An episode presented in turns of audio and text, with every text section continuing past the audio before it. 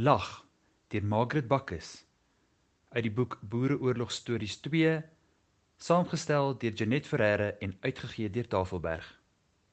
Dit was op ou Kersaand. Hanna het dadelik geweet sy het haar mond verbygepraat. Sy het gewen sy kon die woorde teruggryp, ongesê maak. Die uitdrukking op haar skoonmoeder se gesig was bevestiging van wat Hanna reeds geweet het. Oor sekere dinge word nie gepraat nie.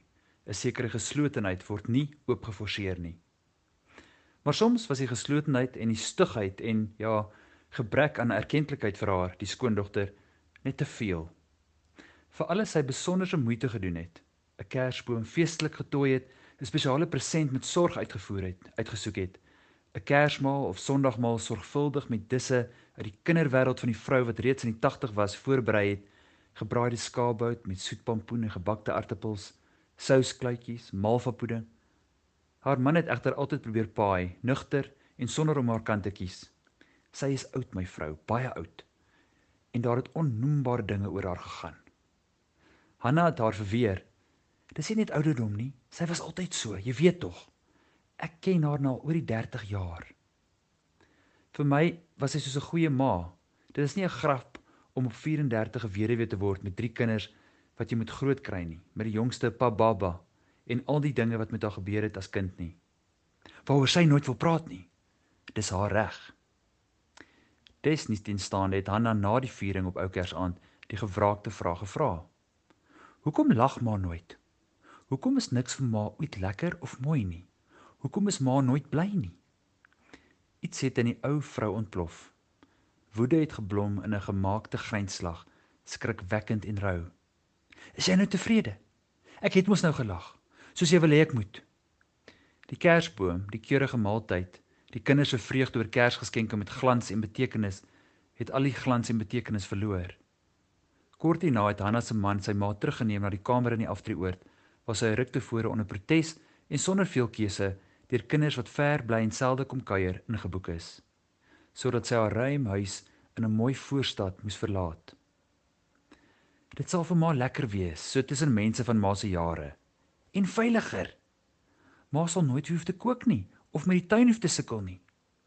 Ek hoor maak enself Sondag gaste nooi en Kleinboet en Hanna bly net om die draai. Hy en Hanna sal baie by ma kom en die kleinkinders. Maar Hanna het steeds elke Sondag gekook en Kleinboet het vir ma gaan haal.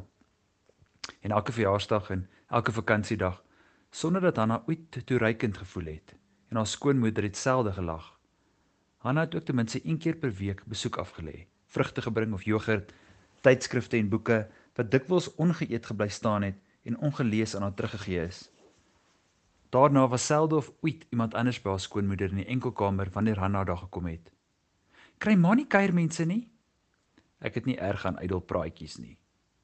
En Hanna het geleer dat die ouderdom mee doenloos die lus die vreugde en die geesdrif uit mens wurg. Dit was egter eers veel later as daardie mislukte ou Kersaand dat Hanna die antwoord op haar vraag gekry het. Sy is alleen by haar skoonmoeder en hang skikke rykertjie winterblomme, anemone, ranonkels en narsings in 'n glaspotjie. Sy plaas dit in die flou wintersonnetjie wat op die lesenaar skyn. Haar skoonmoeder kyk lank en stip na die blomme. Dis dieselfde blomme wat daardie tyd in my ma se tuin geblom het winterblomme. Want dit was in die middel van die winter wat hulle gekom het. Bitterkoud, so bitterkoud. Maar ek wil vir jou iets gee, Anna, dis nou die tyd. Maak dit eers by die huis oop. Wanneer jy dit deurgelees en aanskou het, sal jy dalk meer dinge begryp. Gee dit daarna vir Kleinmoed om te bewaar. Ek wil dit nie nou meer by my hê nie. Ek moet vrede maak. Die tyd word min. Hanna wag tot haar man en kinders hulle daaglikse koers uit die huis kry voor sy die verweerde kartondoos oopmaak. Heel bo-op lê vergeelde toegevoude skryfblok blaadjie. Dit is geskryf van haar skoonmoeder se bekende handskrif. Vergewe, vergeet? Is dit maklik vergewe? Die smarte, die angs het so baie gepla. Die eister het gloeiend 'n merk vir die eeue gebrand op ons volk en die wond is te na, te na aan ons hart en te diep in ons lewe onderaan die gedig staan C. Louis Leipold. Hanna lig 'n getikte folio uit die doos. Dit is 'n geskrif in vreemde Afrikaans. Sy lees die opskrif: Paul Mitfontein, 1 Oktober 1899. byna 70 jaar gelede. Sy lees verder, raak ontroer toe sy besef dit is geskryf deur haar skoonmoeder se moeder, Magrita Eis. Kom de kommandeerman A Netling sonder hier en kommenteer my en zeer geliefde man Matthys Johannes Eis. Ek stort die afen en die hele nag veel trane want ek voel iets so swaar op my hart omdat ek die woord oorlog vrees. En ag dan neem hy my so sag in sy arme en troos my. Dan sê hy liewe vrou ek gaan veg ver u vir vir u en ons drie kinders ver en vir ons vrydom. Hanna lees verder. Dit voel asof sy swemel.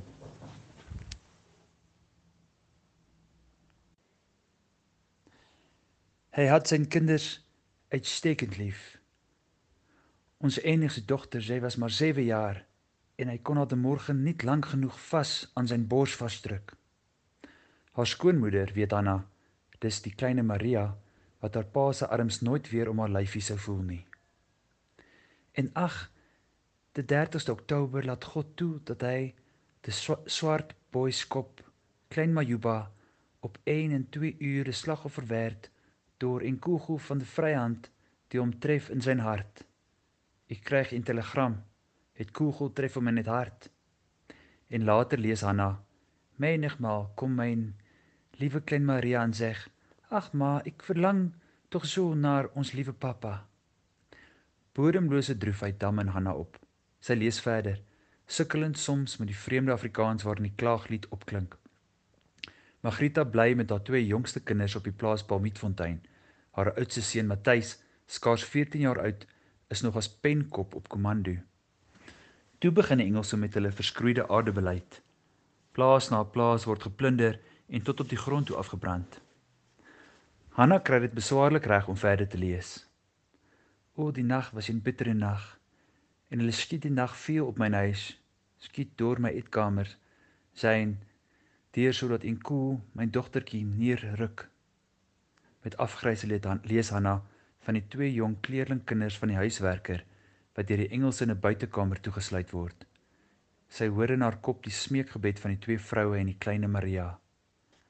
Ek kry toe eintlik die en Wredman so ver om die deur oop te maak en die klein meid en die klein en die jong uit te sleep byna versmoor van die rook. Die volle verhaal ontvou geleidelik aangrypend weergegee in die rou Afrikaans wat vir Hanna soms moeilik is om te ontsyfer. Die getroue agterrye draghoender keer na 'n week na Palmietfontein terug met 'n wa en 14 osse met alles wat Magriete vir haar Matthys ingepak het. O, heilig, toe ek sy klere uitpak, die bandelier en fatsoen van een onderbaadjie, gemaak van gelooide vel wat ek self vir hom gemaak het met vier ren patroonsakkies op vol bloed terug Min weet Magrita toe wat nog vir hulle voorlê. Engeland val ons aan met sy magte, te groot veggeneraal Boeler en sy mag so vreed as uier, bewegende ons vroue te vang en in kampe op te sluit. Die verloop, soos Magrita dit wel later opteken, met soveel smart en onbeholpenheid, word vir Hanna byna ondraaglike leesstof. Magrita eis besluit om haar wa te pak sodat sy gereed kan wees as die Engelse magte op hom met fontein sy toesak maar dit is te, reeds te laat en haar swaar Piet Uys wat haar kon waarsku het loop hom in 'n Engelse patrollie vas en sluit as gevangene die res van sy oorlog op Bermuda. In die nag van 10 Julie 1901 kom 'n patrollie van die Remington's Guides op die plaas aan. Enkeles praat met haar Afrikaans. Mense van die Oos-Kaap, besef sy, die Engelse se handlangers, nasate van die 1820 setelaars en saam met hulle talle kleerlinge en kosse agterryers.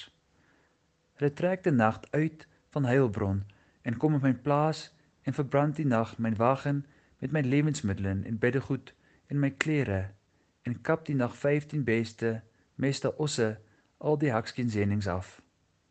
Daar leg die lewende diere te brul en kap die groote varke die rug aan twee en laat die diere lewendig liggend skop en brul.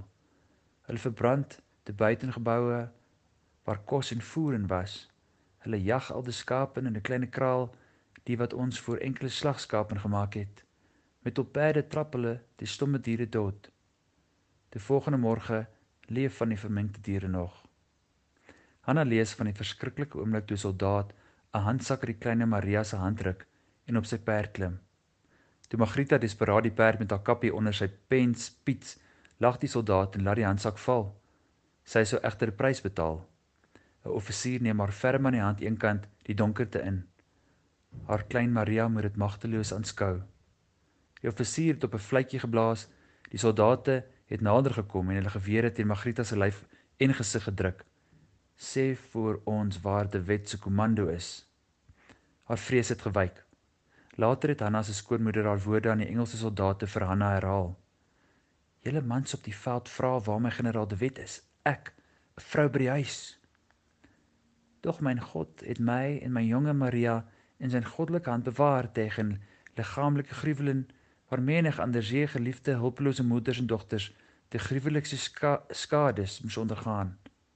Margrieta Uys swerf die res van die oorlog voor die Engelse uit en keer eers na die oorlog na 'n vernuweerde Palmietfontein terug.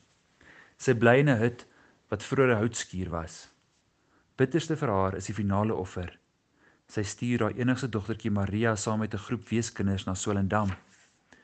Dit was 'n tweede skeur in my hart daar gaan 30 weeskinders so sonder geld en beddegoed en goeie klere so ver weg. Maar die kind moet tog in een skool kom en tuis is niks om vir te leef en geen skool. Een kind van 'n eerlik vader doodgeskiet. Later sou Magrita hoor dat haar kind deur haar eisfamilie as kinderoppasser gebruik is. Hanna delf verder in die kartondoos. Heel onder vind sy die halfgebrande Bybel. Die harde buiteband is binne geheel verbrand. Sy blaai dit met groot sorg om tot by die skutblad waarvan net 'n kwart oor is. In potlood heel dof is 'n enkele inskrywing met dele daarvan weggebrand. Gesneuveld Matthys Johan 30 Oktober 1899. Na soveel jare styg daar 'n brandreuk uit God se woord. Die vuur tot in Eksodus aangebrand. Dit het behoue gebly bloot omdat Magrieta die smeulende Bybel met 'n brandende skei uit die vuur gekrap het. Eers toe Hanna versigtig verder in die geskende Bybel blaai, vind sy die brief van 31 Desember 1962 geskryf op enkele blou kraksliefvelletjies. Sy lees ontroer: My liewe kleinboet, omdat jy vir my kinders die meeste belang het by ons ou geskiedenis, laat ek vir jou hierdie Bybel na. Hanna lees die verhaal van oorlog soos die 9-jarige Maria eis dit beleef het. In daardie nag het ons getrek na my oupa Ferdinand Erasmus, Grootkrans, distrik Lindley. Hier het ons gebly totdat hulle ons eenoggend gekom en ook hier in die opstal afgebrand het. Ons het toe in een van die buitegebou wat nie verbrand is nie, ons intrek geneem. Ons het die konsentrasiekampe vrygespring, maar bittere ontberings moes deurmaak om aan die lewe te bly. Op die afgebrande mielieland het ons halfgebrande mieliekoppe geoes en op 'n ou koffiemeel gemaal en dit sonder suiker of melk geëet. Dwars deur die oorlog het my ma vir ons uit hierdie Bybel godsdiens gehou. Na die sluiting van vrede is ons weer terug na ons ou plaas Palmietfontein. As kind het hierdie nag 'n onuitwisbare indruk op my gemaak. Baie liefde, jou moeder, Maria Katarina Bakkes, gebore Uys.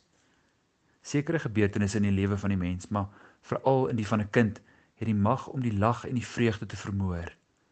Vir sommige mense sal dit die moord op miljoene Jode wees, vir ander Sarajevo of die woud van Katyn of die swerfjare van Popinongena of Stalingrad of Berlyn en Hanna het in gedagtig nooit meer gewonder oor die lag nie